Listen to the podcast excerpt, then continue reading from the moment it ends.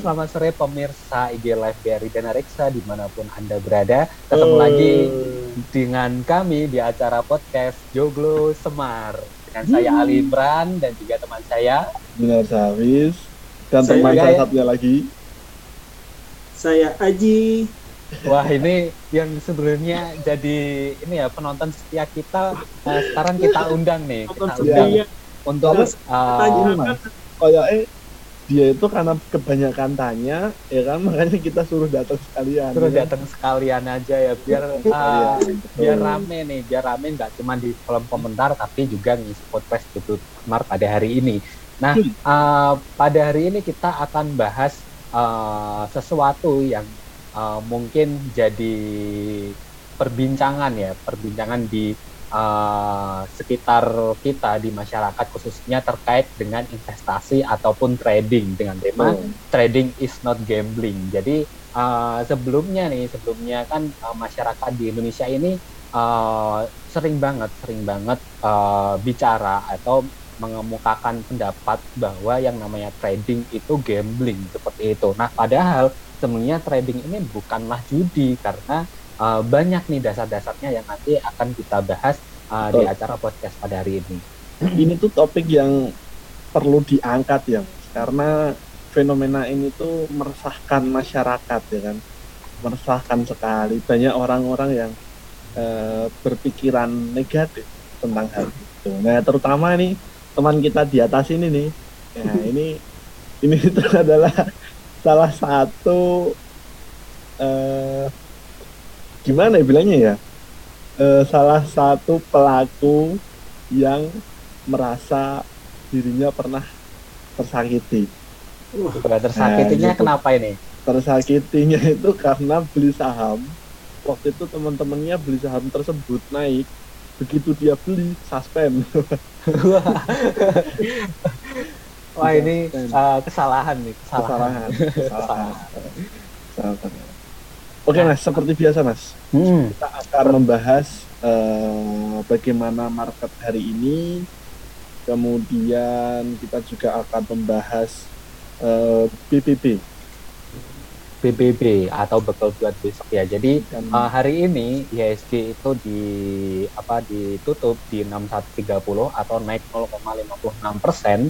Nah uh, ini juga uh, menjadi salah satu uh, pergerakan yang bagus ya untuk IHSG ke depannya, di mana IHSG ini juga uh, sepertinya sepertinya nih kurang uh, kurang ini ya kurang menangkap atau kurang merespon terkait sentimen negatif yang beredar di pasar terkait perpanjangan ppkm sampai tanggal 9 Agustus. Namun uh, mungkin uh, dari perpanjang ppkm ini banyak investor yang optimis, yang optimis bahwa uh, ppkm ini segera berakhir dan mobilitas masyarakat itu segera normal, vaksinasi juga uh, segera lancar, uh, kasus COVID juga di dalam negeri khususnya itu juga uh, cenderung mengalami penurunan sehingga uh, menjadi katalis positif untuk pergerakan IHSG pada hari ini.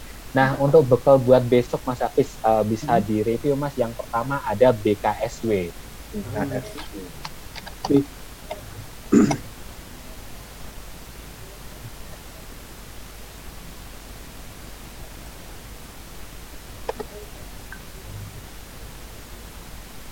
ini bank QNB ya Mas ya. Ini Betul. QNB. Ya.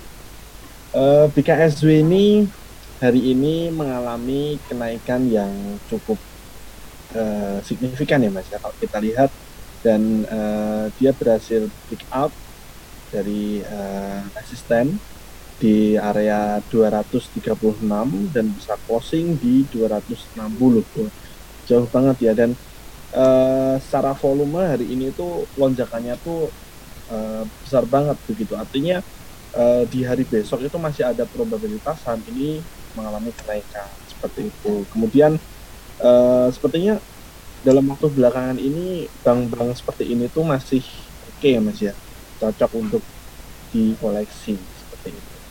Betul, apalagi kalau kita lihat dari volumenya ini uh, bisa dikatakan volume transaksi pada hari ini itu hmm. all time high ya, atau uh, iya. volumenya itu banyak sekali di antara dengan perdagangan-perdagangan sebelumnya Betul. seperti itu. Nah, uh, kalau misalnya kita lihat dari trennya juga bagus, Hmm. uh, indikator-indikatornya juga bagus seperti itu ya Mas Hafiz. Jadi uh, cocok lah bagi uh, breeders yang ingin masuk ke BKSW. Lalu yang kedua Mas ada ACST Mas. ACST. Saya baru beli tadi pagi tadi siang nih. Tuh kan. Wah, Tuh kan. kalau ini beli biasanya besok cuan nih. Ngono kuwi. Ya. Ngono kuwi. Jadi udah nggak tahu lah teman kita di atas ini kalau beli saham tuh beli beli sendiri nggak pernah Tuh. ngasih view ke teman-temannya Loh, sudah saya infokan loh di grup loh. oh gitu Wah, ya mantap. Untuk eh, ACST ini memang eh, dari sebelumnya memang di periode sebelumnya eh, akhirnya dia bisa keluar dari zona ini ya mas ya berisnya ya dan eh, saya pantau ini sepertinya eh, ACST ini sudah mulai eh, apa namanya trennya itu udah berubah ya. sekarang trennya itu udah eh, kembali bullish lagi untuk jangka panjang Kemudian eh, di hari perdagangan hari ini volumenya cukup lumayan lah ya, walaupun eh, belum begitu besar seperti BKSW tadi itu. Nah, namun kalau kita perhatikan ACST ini secara indikator stokastik maupun MACD, terus kemudian dari moving average eh, 9, 14, 34 itu dia masih di atasnya. Jadi eh, apa namanya kemungkinan besok terbang wah bisa buat Wah, makan siang mantap. Itu tadi ACST ya Mas ya. CST Nah, kalau untuk targetnya sendiri di berapa Mas? Target Target. targetnya nih. nah posisi harga sekarang itu kan ada di eh, 274 untuk targetnya sendiri itu target terdekat ya mas ya itu aja ada di 280 280 terus kemudian eh, kalau misalnya eh, besok bisa lebih tinggi atau eh, bisa breakout dari 280 ini seenggaknya ini saya terawang ya saya terawang ini besok ini bisa sampai ke 310 Oh 310-an ya Mas ya. 300 ke atas lah ya Mas ya. Wah, Iya, mantap betul. ini. Nah, uh, selanjutnya Mas yang ketiga dan yang keempat ini juga bank-bank mini Mas. Ada Hmm. BBYB dan juga. Baca. Hmm. Ini beli lagi nggak nih Mas Aji BBYB? Waktu BBYB saya tidak beli karena seperti Toma saya pernah beli BBYB. Oh, trauma. ini Ada rasa trauma hati. juga ya. Iya, pernah Nah, ini nanti yang perlu BBYB. diluruskan, Mas. Asumsi seperti ini trauma trading saham itu eh, tidak membuat eh, apa namanya tidak seharusnya memberikan traumatis psikis kepada investor. Nah, Betul. Iya betul. Jadi bagaimana Pak caranya?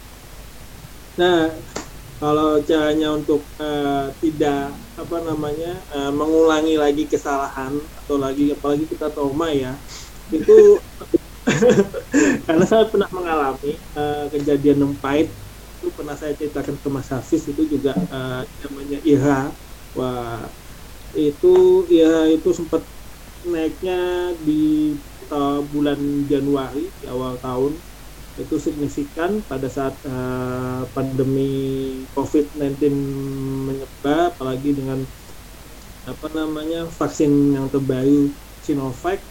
Nah itu saya beli itu, tapi harga belinya sudah ditutup. Nah, Hmm. itu Kejedot berarti ya Mas ya. ya betul. Itu saya salah pernah beli di harga sekitar 3.800 ke 4.000 kalau nggak salah itu. Terus akhirnya disuspend. Sudah suspend, lupa saya sudah dibuka lagi oleh pihak bursa. Saya lupa jual.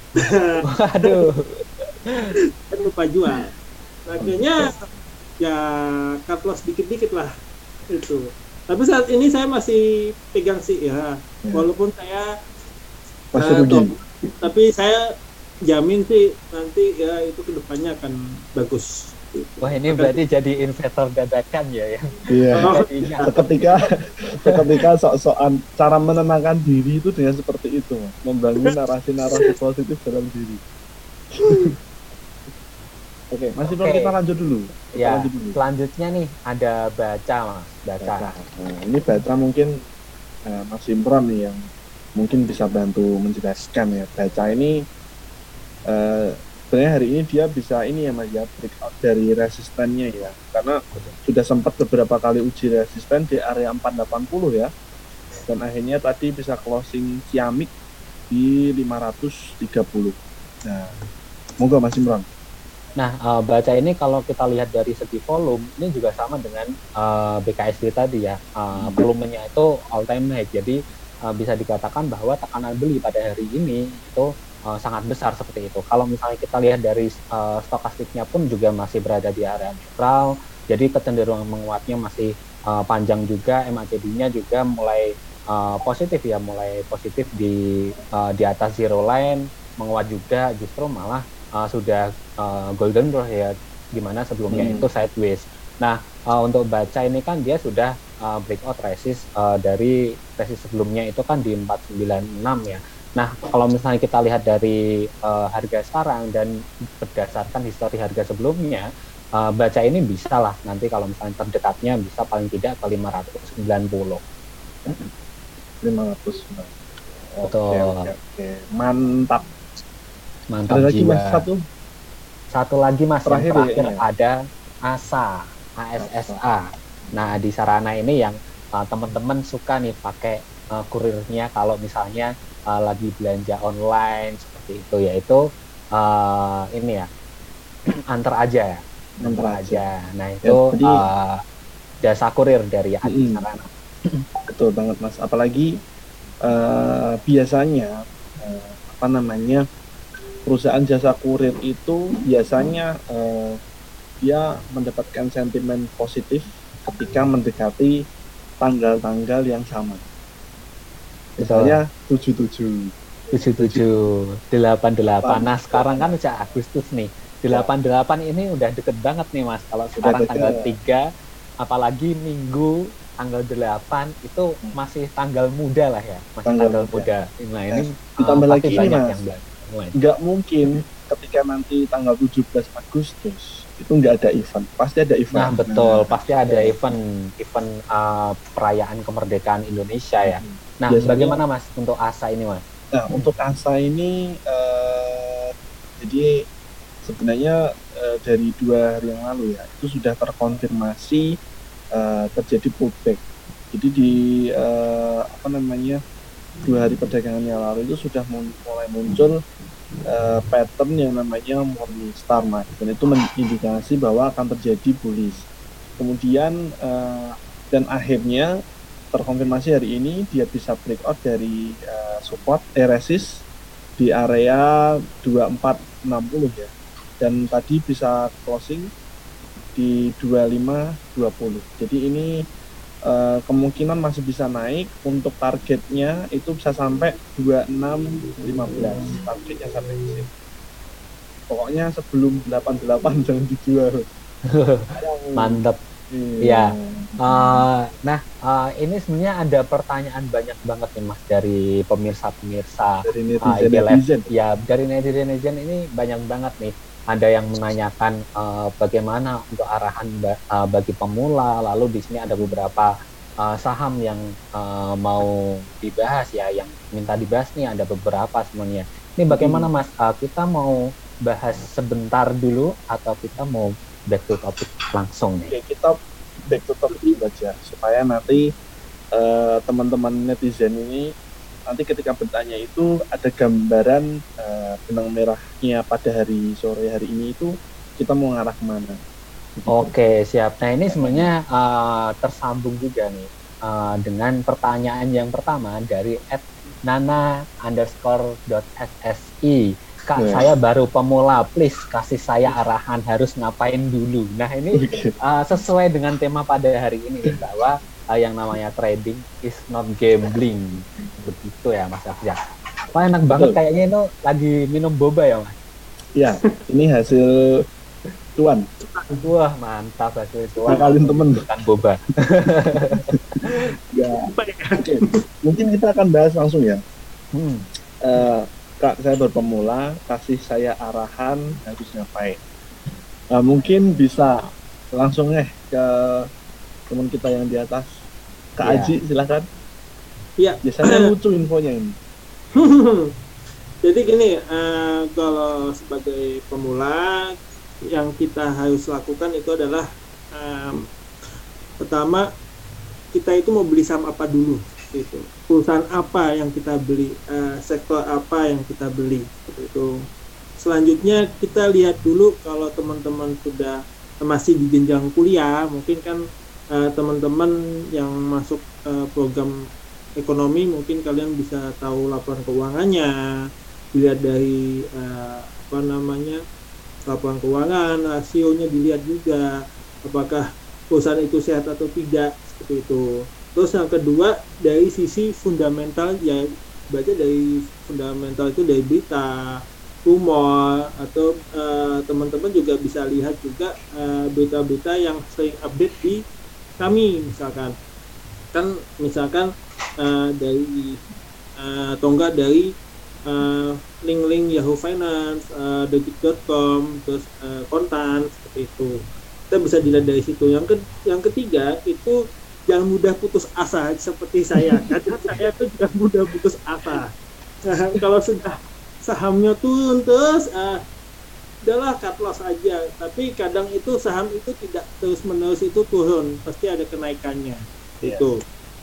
Terus yang keempat itu adalah jangan terjebak saham murah, apalagi saham-saham gorengan itu jangan. Kecuali kalau teman-teman masih punya uh, jantung yang lebih sehat gitu, jangan kayak saya seperti itu. Uh, kalau untung kalian sudah ringkih atau uh, tiba-tiba punya penyakit jantung, lebih baik uh, dihindarilah iya. saham-saham gorengan yeah. seperti itu kalau itu saya sih itu aja sih. Yang penting yang penting tahu fundamentalnya. Terus kita juga baca teknik analisis. Tahu dulu perusahaannya kita mau beli perusahaan apa. Terus satu lagi jangan membeli di satu wadah aja. Kita beli di semua wadah. Misalkan di satu saham jangan. Lebih baik kita beli saham yang lain. Karena untuk meminimalis uh, kerugian kita juga sih.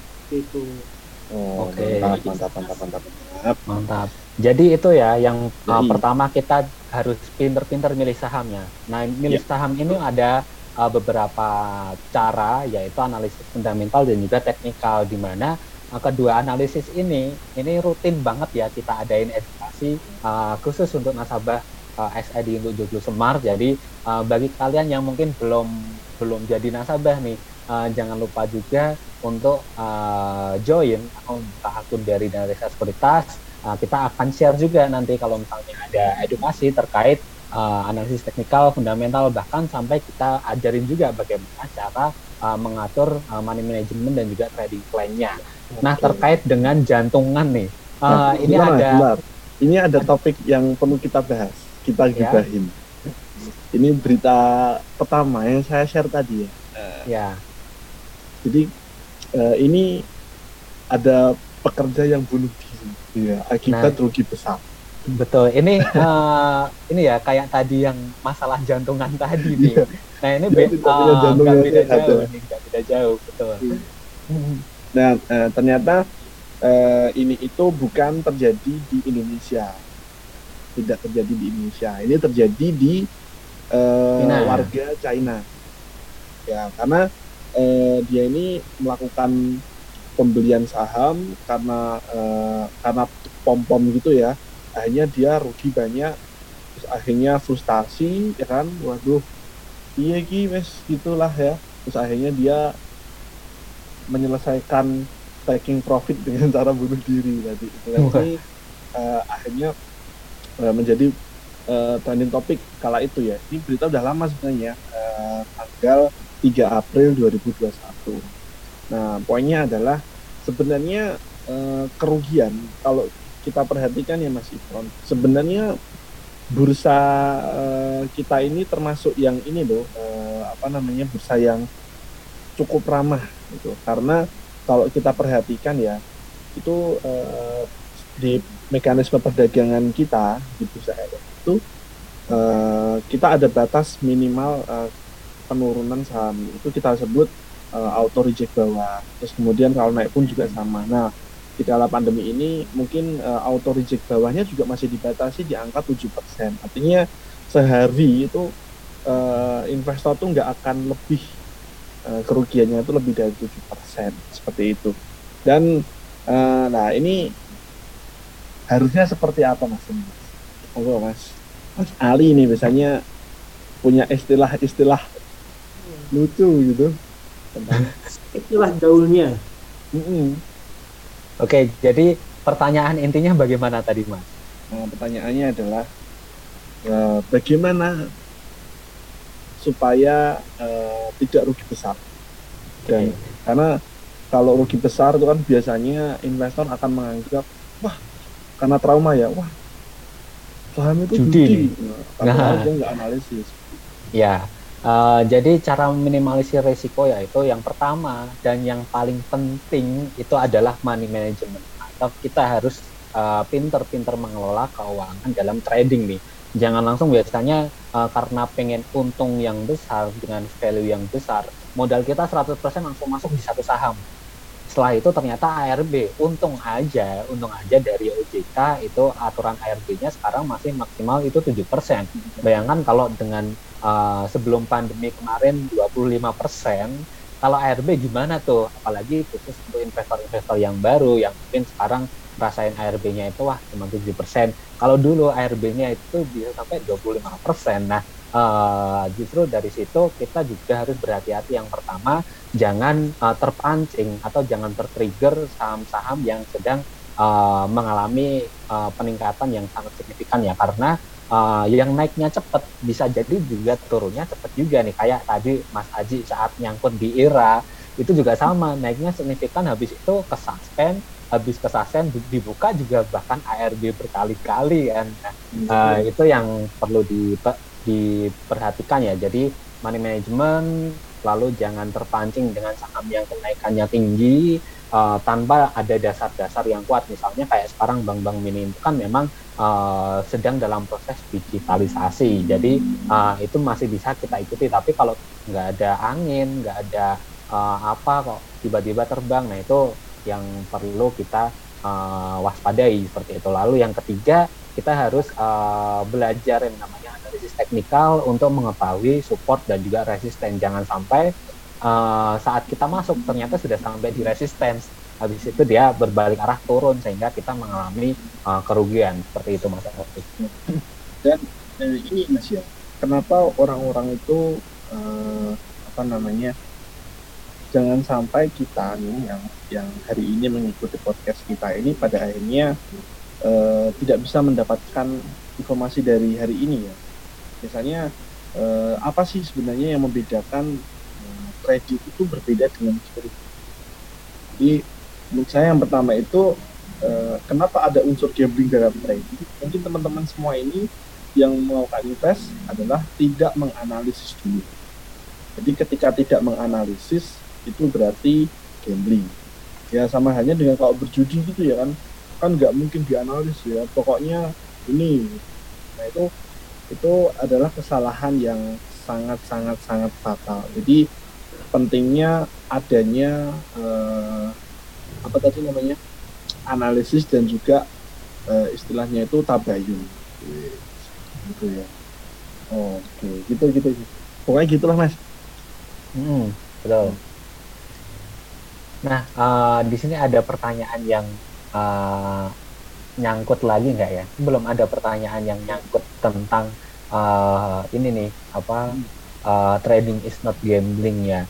Nah, jadi uh, sekali lagi bahwa uh, yang namanya trading atau khususnya investasi di pasar modal itu tidak uh, tidak judi ya. Judi itu adalah perilakunya. Ibarat kita menggunakan pisau nih. Pisaunya kalau buat masak juga uh, oke-oke aja, halal-halal aja gitu. Tapi kalau misalnya buat gerampok, buat begal, buat bunuh atau buat apa yang uh, negatif itu yang uh, menjadi uh, perilakunya itu uh, yang di diharamkan atau di tidak di dilarang ya di, uh, tidak boleh dilakukan seperti itu. Nah, seperti juga di investasi atau uh, trading di pasar modal juga sama. Kita juga uh, tidak boleh nih memper, uh, memperlakukan saham ini seperti judi artinya kita beli hanya hanya hanya, hanya spekulatif uh, apakah ini naik atau turun aja gitu tapi kita juga harus punya dasar kenapa kok uh, ini kita prediksi naik uh, berdasarkan dengan histori historinya dengan uh, ilmu analisisnya seperti itu. Dan juga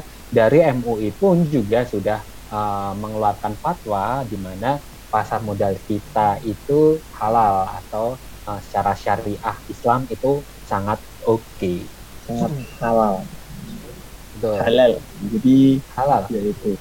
Nah berbicara soal uh, syariah dan tidak syariah sebenarnya kita uh, mungkin kemarin kita sudah bahas ya mencari saham apa mencari berkah saham syariah ya saham syariah. sama Pak Wahyu nah e, berbicara soal syariah dan tidak syariah itu kan sebenarnya e, kembali lagi kembali lagi ke tiga prinsip utama syariah ya kan yang menjadi indikator e, kenapa bisnis itu e, dikatakan syariah itu yang pertama tidak boleh ada riba atau kelebihan terus kemudian tidak ada unsur uh, spekulasi dan juga ketidakpastian yang tinggi seperti itu jadi itu uh, tidak boleh nah berbicara lagi dengan uh,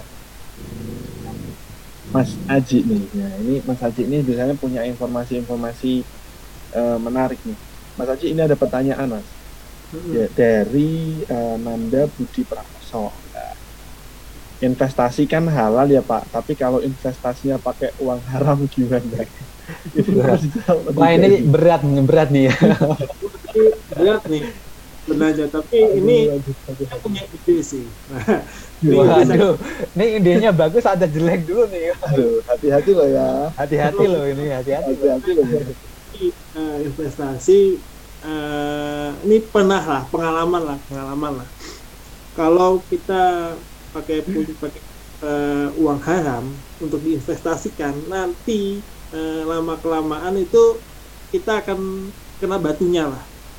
Kena batunya itu jadi misalkan gini kita udah untung nih kita udah untung uh, main saham uh, dilal, uh, dilalah ya dilalah kita tuh lupa jual. Nah karena itu uang uang itu dari uang haram biasanya itu uh, apa namanya? Allah ya ibaratnya yang Allah maha tahu lah ya. Nah saham yang kita beli itu di ARB kan lah. Seperti oh, itu. gitu. Otomatis kan rugi. Atau juga uang kita yang sudah uang ham kita yang kita investasikan itu udah untung kita tarik uangnya. Takutnya tuh nanti uang yang untung itu baca ya juga termasuk haram juga lah. Seperti itu. Tapi uh, ini ya masih belum. ini ceritanya ini seperti seperti dia itu uh, menceritakan tentang pernah mengalami ya hari ini merasa menghadirkan sosok yang uh, ini pengakuan-pengakuan gitu loh kesaksian kesaksian gitu loh. Iya. Jadi kalau lebih enak sih ya tapi tapi kalau bisa ya ya jangan pakai uang sekolah uang SPP kan banyak tuh mahasiswa mahasiswa ya yang biasanya curhat sama saya mas saya kemarin pakai uang SPP mas pakai uang sekolah gitu. Nah jadilah takutnya nanti pada saat dia membayar uang SPP dia nggak ada dana. Gitu. betul betul. Nah, lebih baik pakai uang kita sendiri aja yang kita sisihkan yang ibaratnya uang nganggur ya kalau kata teman-teman di grupnya Kohan itu uang yang ada di kulkas. Oh yang adem. Oh, uang dingin. Uang dingin. uh, itu kalau kata teman-teman grup itu seperti itu. Jadi uangnya kita ambil dari kulkas. Itu. Jadi uang dingin lah. Oke jadi intinya jangan pakai uang yang di atas uh, kompor. sudah ada fungsinya misalnya ya. bayar kos haram itu lebih baik dijajankan aja daripada diinvestasikan. Dijajankan aja ya. Baik baik baik. Nah mungkin Mas Imam ada tambahan? Silakan. Uh, kalau dari saya uh, kembali lagi ke investasi ya. Jadi uh, trading is not gambling. Artinya teman-teman tidak boleh melakukan uh, perilaku judi terhadap uh, saham dan juga jangan uh, ini ya judge atau uh, langsung langsung ini apa biasanya uh, setelah loss wah ini sahamnya judi nih uh, kemarin saya uh, nebaknya naik ternyata turun. Nah jangan sampai kayak gitu dan uh, jangan juga uh, keluar-keluar atau langsung diinfokan nih ke orang-orang yang ingin investasi saham tapi bilangnya uh, saham ini judi loh oh, kamu nggak usah ikut ikutan jangan seperti itu. Pak uh, karena memang dari MUI sendiri itu sudah ada fatwanya bahwa pasar modal itu uh, halal bukan judi yang judi itu lebih ke perilaku uh, investor atau tradernya. Oke, nah, nah mungkin ada pertanyaan nih dari netizen misalnya. Hmm. Uh, pom pom saham, nah itu termasuk perilaku judi atau tidak? Menurut Mas Imran? Pom pom saham. Hmm. Nah, kalau untuk pom pom saham ini uh, gini ya Mas, biasanya nih, biasanya yang uh, sebenarnya pom pom ini tergantung ya, tergantung ya. Kalau misalnya uh, kita hanya ikut-ikutan, bisa jadi nanti perilaku judi. Artinya nih, uh, seorang influencer membeli saham Telkom, misalnya seperti itu.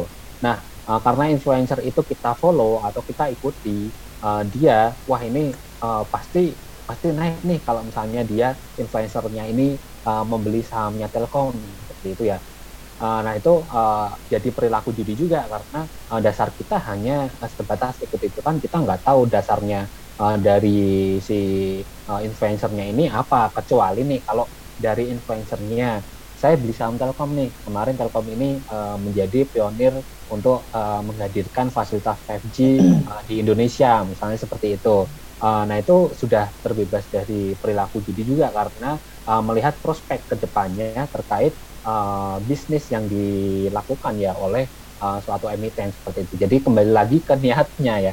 Semua itu uh, berasal dari niatnya bagaimana hmm. nih kalau pom-pomnya memang uh, ada dasar ada dasarnya kenapa kok uh, suatu influencer atau suatu analis itu uh, bilang ini loh saham ini bagus dan disertai dengan dasarnya kenapa kok bagus disertai dengan analisisnya bagaimana uh, proyeksi ke depannya nah itu sudah terbebas dari perilaku judi juga karena uh, kita di situ bukan spekulasi ya tapi uh, melihat potensi uh, apa emitennya itu ke depannya bagaimana.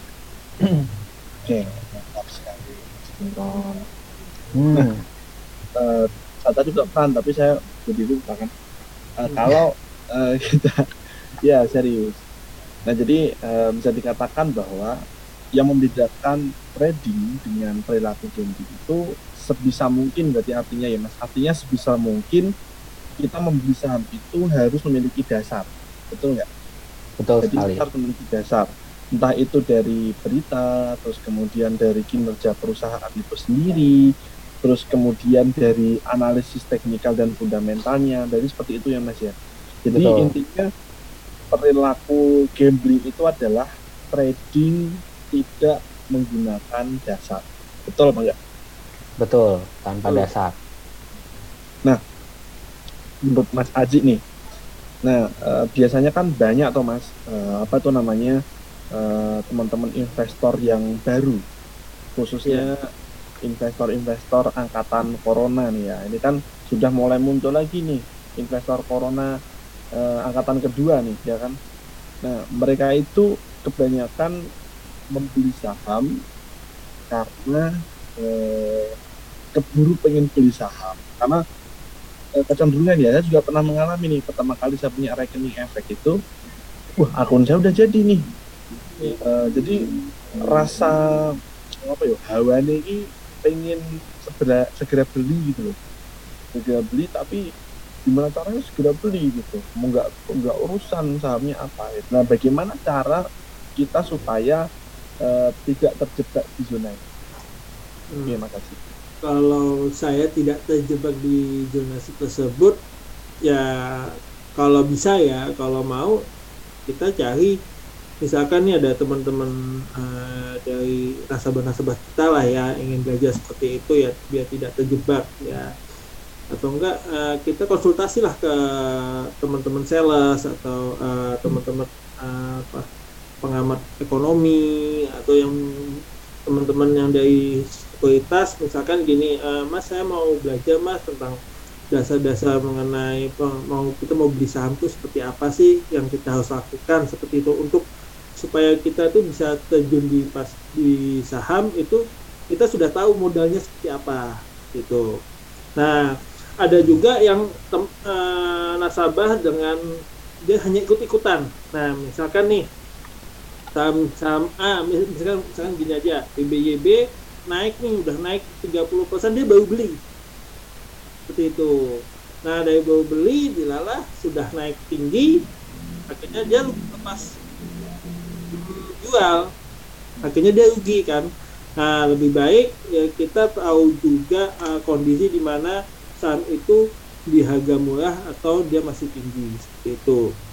Dan juga nasabah harus uh, ikut aja sih pelatihan-pelatihan yang ada di kita untuk belajar mengenai uh, teknika fundamental, teknika analisis supaya kita tuh uh, supaya nasabah tuh juga menambah wawasan lah mengenai uh, saham itu seperti apa. Oh, tentunya terjun di pasar modal itu lebih menarik ya daripada kita jualan apalah seperti ini.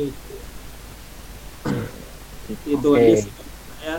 Jadi bisa bergabung ke komunitas-komunitas tertentu ya Mas ya dan juga ya, tentunya mengikuti setiap kelas kita oh mesti pinter ya. oh, ya mantap. biasanya gitu kan hmm. iya eh, saya juga kita masih ikut kelas kalian mas iya biasanya gitu hmm. enak loh jadi nasabah BRI dan hari satu enak jadi bikin rekening dibantu ya kan habis itu ya. masuk di grup habis itu setelah masuk di grup kita kasih pelatihan dalam bentuk kelas juga kayak kuliah Betul. tapi nggak bayar habis itu pintar trading ngecuannya buat kalian gitu kan Betul. kita nggak minta ya kan hmm. rekomendasi juga dikasih ya kan oh, oh. kurang opo dan ya kan? kita tuh sebafui mas kalau di BI dan sama yo yo pelayanannya juga bagus ya kan sistemnya juga oke okay. uh, iya. jadi uh, nggak uh, ada nggak ada pertanyaan lagi kenapa sih kok harus buka di bridge gitu karena semua udah oke okay. kalau nggak percaya coba aja deh kalau nggak percaya coba aja langsung buka uh, websitenya dari uh, Dana Reksa ya bisa dilihat dari produk kami itu di dmia.danareksaonline.com atau bisa juga uh, bagi yang mau buka akun itu di di website eform.danareksaonline.com. Nah, uh, di situ tinggal isi datanya uh, full online. Kalau misalnya uh, kesulitan juga tinggal langsung di sales, nanti juga akan uh, kami bantu untuk submit datanya juga. Kalau sudah uh, jadi kita tinggal transaksi. Transaksinya saham apa ikuti aja anak uh, kelas-kelas yang diadakan uh, dari kami ya. Itu rutin banget. Bisa dicek juga di website dma.danarikaonline.com di bagian menu training. Betul sekali. Dan kita setiap hari Kamis dan Selasa uh, ada kegiatan juga ya Mas ya. Jadi yeah. setiap hari Kamis itu kita ada kelas kelas investor dan itu topiknya selalu update dan up to date menyesuaikan kebutuhan dari teman-teman investor tentunya. Terus kemudian untuk kegiatan podcast seperti hari ini kita juga sama kita akan mengangkat uh, sebenarnya isu-isu yang uh, ada di sekitar kita tapi mungkin jarang tersentuh ya. Jadi kita bahas pada sore hari ini. Oke, itu. Uh, mungkin teman-teman uh, dari pemirsa semuanya barangkali memiliki pertanyaan silahkan kalian tuliskan di kolom komentar. Nanti kita akan menjawab semua permasalahan kalian. Ya, karena uh, sebenarnya saya mau bilang juga nggak enak sebenarnya kita ini kan sebenarnya pelayan curhat ya. Tapi kalau disingkatkan nggak enak gitu loh. Jangan jangan jangan. Jangan mas. Sudah cukup saja iya. tidak usah. Tidak usah itu nanti kena sensor. Kena sensor nanti. Takutnya di banned nanti kita. Oke jadi ini sebenarnya ada beberapa pertanyaan tapi terkait teknikal saham nih uh, barangkali mas Davis mau menjawab mas. Ada boleh, beberapa boleh, pertanyaan boleh. Nah, ini pertanyaan dari Siapa dulu mas? Yang pertama dari Ed Rifki underscore Fauzian. Bahas PG pak. PG ini tadi ada transaksi nego yang sangat besar. Bagaimana nih? Secara teknikalnya oke okay atau enggak? Oke okay, mas. Oke. Oke-nya kenapa? Targetnya gimana? Support oh, gitu resistance ya. gitu loh mas. Jadi jangan cuma oke. Okay. Oh ya, nanti kita terlalu cepat, terlalu cepat selesai nih mas nanti mas. Iya ya nggak seru lagi. mau bahas apa ya? Iya betul. Ya jadi uh, eh, PG ini uh, menarik ya hari ini. Tadi seperti dikatakan Mas Imron ada transaksi nego yang besar. Mungkin Mas Imron nanti bisa menambahkan informasi terkait. Secara teknikal PG ini hari ini bisa breakout uh, dari uh, area resisten di angka 230 dan kemudian pada sebelumnya sudah membentuk uh, pattern uh, double bottom ya dan akhirnya bisa tembus begitu. Dan uh, kalau dilihat dari uh, stokastik dan MACD memang ini masih dalam tren menguat. Jadi uh, Mas Fauzan Fauziana selamat uh, seperti uh, yang saya katakan tadi uh, Anda termasuk orang-orang yang beruntung ya bisa membeli saham ini karena besok kemungkinan masih bisa naik karena uh, biasanya tuh uh, kalau ada saham yang mengalami kenaikan yang cukup signifikan volumenya juga signifikan itu secara probabilitas uh, masih bisa menaik jadi itu masih okay. mungkin bisa nambahkan informasi sedikit mas. Uh, informasinya cukup sih mas menurut saya. Jadi uh, memang dari PG ini hanya saja yang perlu diperhatikan uh, volumenya ini sangat kecil ya. Jadi uh, perlu diperhatikan rawan, nih. Rawan juga betul. Uh, yang diperhatikan uh, adalah volume transaksi perdagangan itu yang uh, relatif kecil dibandingkan dengan saham-saham yang lain. Jadi uh, mungkin likuiditas uh, pasarnya itu uh, kurang kurang mendukung ya ya betul nah selanjutnya mas ada Java Java, Java ini, ini menarik nih ya ini kita nah, tadi sudah bahas juga nih. Sudah bahas ya. Mas Aji punya saham Java Mas Aji ini intern apa tadi pembahasan internal ini iya, iya betul. yang tadi itu bisa meng, uh, mendapatkan laba yang bagus ya. Hmm. uh, kalau boleh tahu berapa tadi mas ya? Untuk Java ya. 26 persen ya. 426 persen itu artinya labanya tuh meningkat empat kali lipat empat kali lipat ya. Berarti ini lipat. permintaan ayam itu apakah naik atau bagaimana ini? Kemungkinan naik mas. Orang-orang walaupun naik, ya? iya kemungkinan naik. Jadi mungkin dengan kambing mas. Habis beban mas. Ya Wah ini pengalaman juga sepertinya. Uh, bagi orang-orang yang mungkin kemarin itu sudah blenger ya, sudah blenger kambing. Itu mereka sudah uh, mendingan lah, udahlah mendingan kita makan ayam aja lagi nanti terlalu banyak yeah. kambing ya nanti tekanan darah tinggi dan juga kolesterol. Ya. Kalau Mas Aji ini sepertinya mengidap high blood. Wah, betul darah betul. tinggi ya. Darah tinggi. High blood ya. Oh ya. high blood. Oke okay, ya, mas, gimana mas uh, untuk teknikal teknikalnya Java ini mas? Java ini um, walaupun secara tren ya sih bisa saya katakan masih uh, dalam tertekan. Jadi trennya itu masih turun, cuman uh, kalau diperhatikan ya uh, karena tadi mendapatkan sentimen yang cukup positif di akhir uh, sesi ya. Tadi kan beritanya kuat di akhir menjelang akhir sesi 2 ya.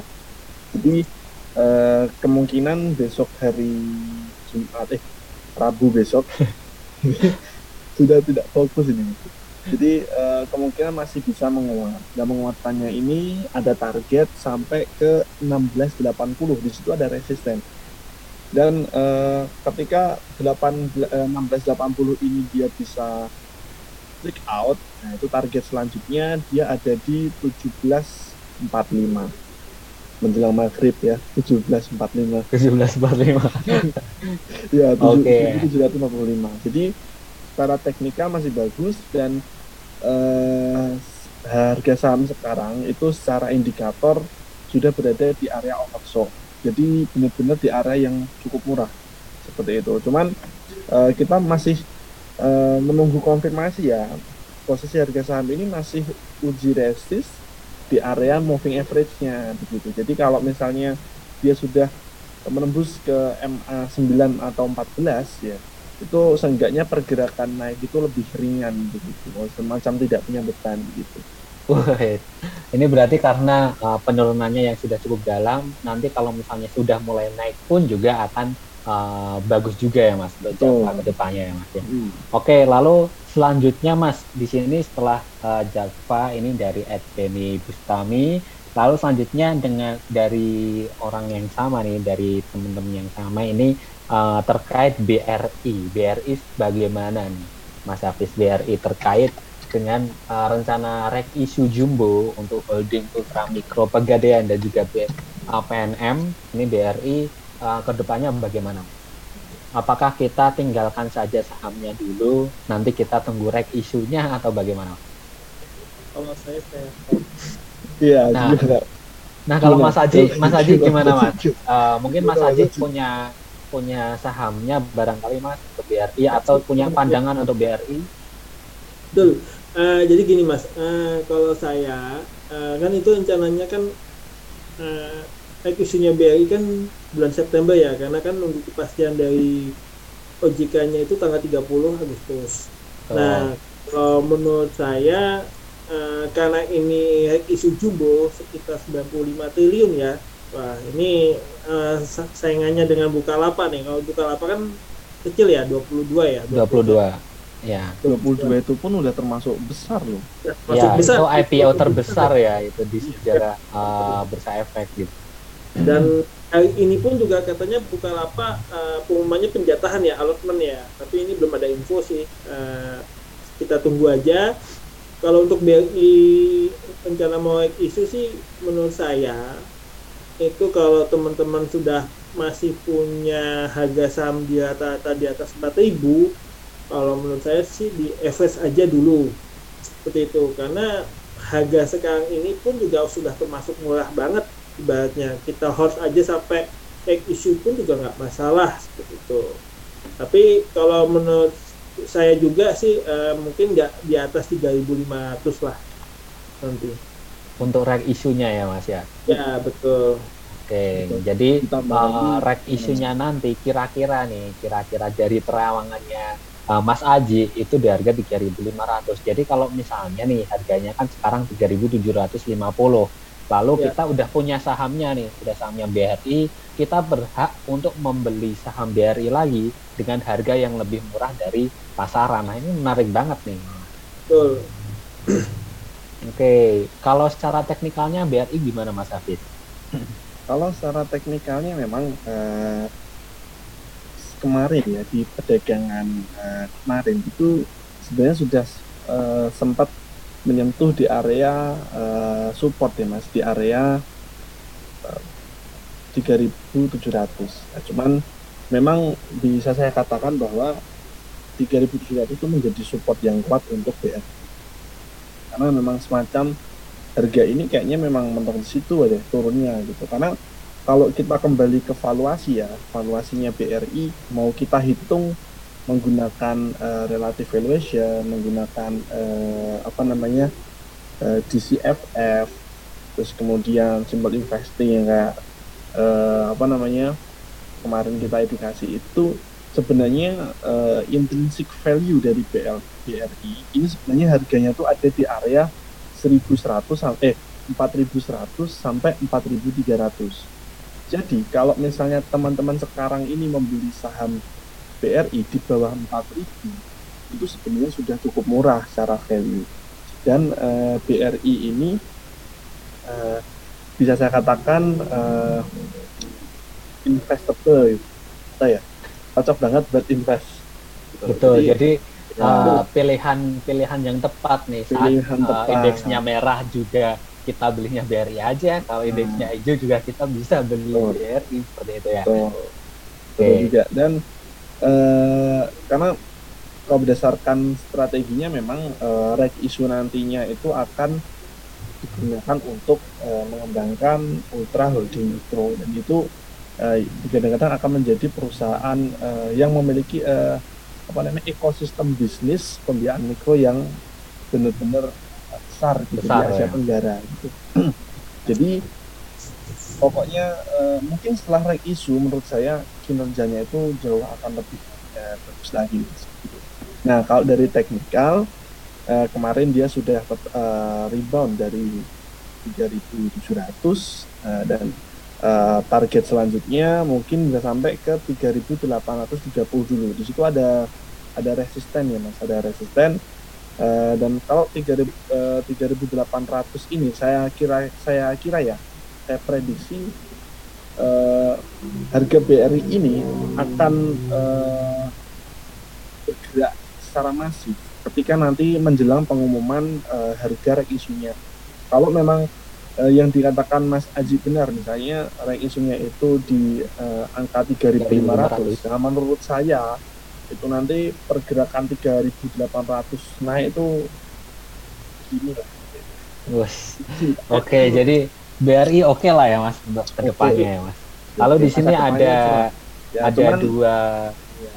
pertanyaan terakhir nih Mas. Uh, dari Ed Riris Dani Hermawan dan juga dari Ed Asmoko Danto. Nah ini ada dua saham terakhir yaitu Tins dan juga Agro. Bagaimana Mas? Cara teknikalnya Mas. Kalau kita lihat Agro ini kan juga BRI Group nih. Mas iya, Haji ya, barangkali juga punya Mas Agro ini Mas. Wah saya kemarin tuh Agro tuh malah pinginnya dikira saya itu Agro itu masuk LQ45. Iya, nah, ternyata belum ya akhirnya belum karena dia kalau nggak salah masih di buku tiga. Hmm. akhirnya ya? Ya. Akhirnya gagal masuk LQ45 ya. Akhirnya malah Tins yang masuk LQ45 kan nah, nah ini Tinsnya ini yang masuk ke LQ45 bagaimana Mas Hafiz untuk ke depannya Tins terkait harga komoditasnya ini kan juga menarik nih Mas untuk nikel, timah dan kawan-kawannya Tins ini uh, jadi banyak yang uh, apa namanya analis mengatakan bahwa di tahun 2021 ini uh, tahunnya industri logam ada yang gitu. Ada juga yang bilang ini tahunnya batu bara. Nah tim ini uh, sebenarnya kalau dia bisa uh, apa namanya keluar dari zona support resist ini dari 1630 sampai 1680 kalau dia bisa breakout menurut saya ini pergerakannya jauh akan lebih masif lagi. Karena e, di sini tuh ada support e, resist yang cukup kuat secara trend line. Jadi ini akan membuat kinerja tim ini semacam tertahan di harga sini seperti itu. Dan menurut saya e, pergerakan tim ini sebenarnya kalau dibandingkan e, dari e, akhir Juni ya itu sampai harga sekarang itu sudah kinerjanya cukup positif seperti itu. Jadi uh, catatan aja kalau Tins kalau dia bisa breakout dari 1680, nah itu menurut saya pergerakannya jauh akan lebih mudah dan targetnya itu sudah sampai ke 1900 seperti itu. Wah mantap ya 1900. Hmm. Oke, itu untuk Tins ya. Jadi secara tren uh, Tins ini masih uh, dalam tren kenaikannya. Uh, kita bisa jaga aja kalau misalnya supportnya masih uh, masih bisa bertahan di atas support ya kita tinggal ikuti aja apalagi kalau misalnya dia uh, berhasil breakout ya di atas 1980 nya ini. Nah selanjutnya yang terakhir nih mas. Pertanyaan terakhir uh, adalah agro. The last question. The last question is agro.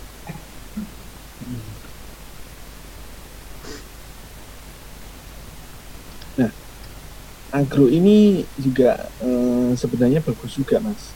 Cuman kalau dilihat pergerakannya itu sejak uh, awal Juni itu rally terus. Jadi bisa dikatakan sebenarnya posisi harga sekarang ini sudah di area overbook begitu. Uh, tetapi melihat prospek bisnisnya yang begitu cerah, ya, jadi uh, kemungkinan masih bisa melanjutkan penguatan begitu karena uh, kalau kita perhatikan ya di perdagangan uh, kemarin itu dia kan sudah mencoba pullback tuh di area eh, 2440 2440 itu dia terjadi pullback semacam bentuk pullback itu ke sana. Jadi untuk eh, target berikutnya itu mungkin bisa sampai ke 2860 nah cuman kalau kita perhatikan dari eh, MACD-nya itu dia sudah mulai uh, dead cross ya pun ya iya dead cross. Jadi perlu uh, apa namanya jadi catatan khusus aja kalau agro sudah keep dari awal Juni ya kan? Ingat tidak boleh gambling. Itu greedy ya kan? Nah, jadi mungkin bisa uh, dilakukan taking profit dulu nggak apa-apa. Seperti itu. Oke, jadi agro untuk ke depannya secara prospek bisnis, bisnis ini bagus dikarenakan Agro ini yang nanti akan dijadikan bank digital oleh BRI Group ya. ya. Uh, betul. Nah, uh, lalu kalau secara teknikal memang uh, dari segi volumenya yang sudah mulai turun, lalu uh, stokastiknya sudah dead cross, uh, MACD-nya juga sudah mulai uh, dead cross juga.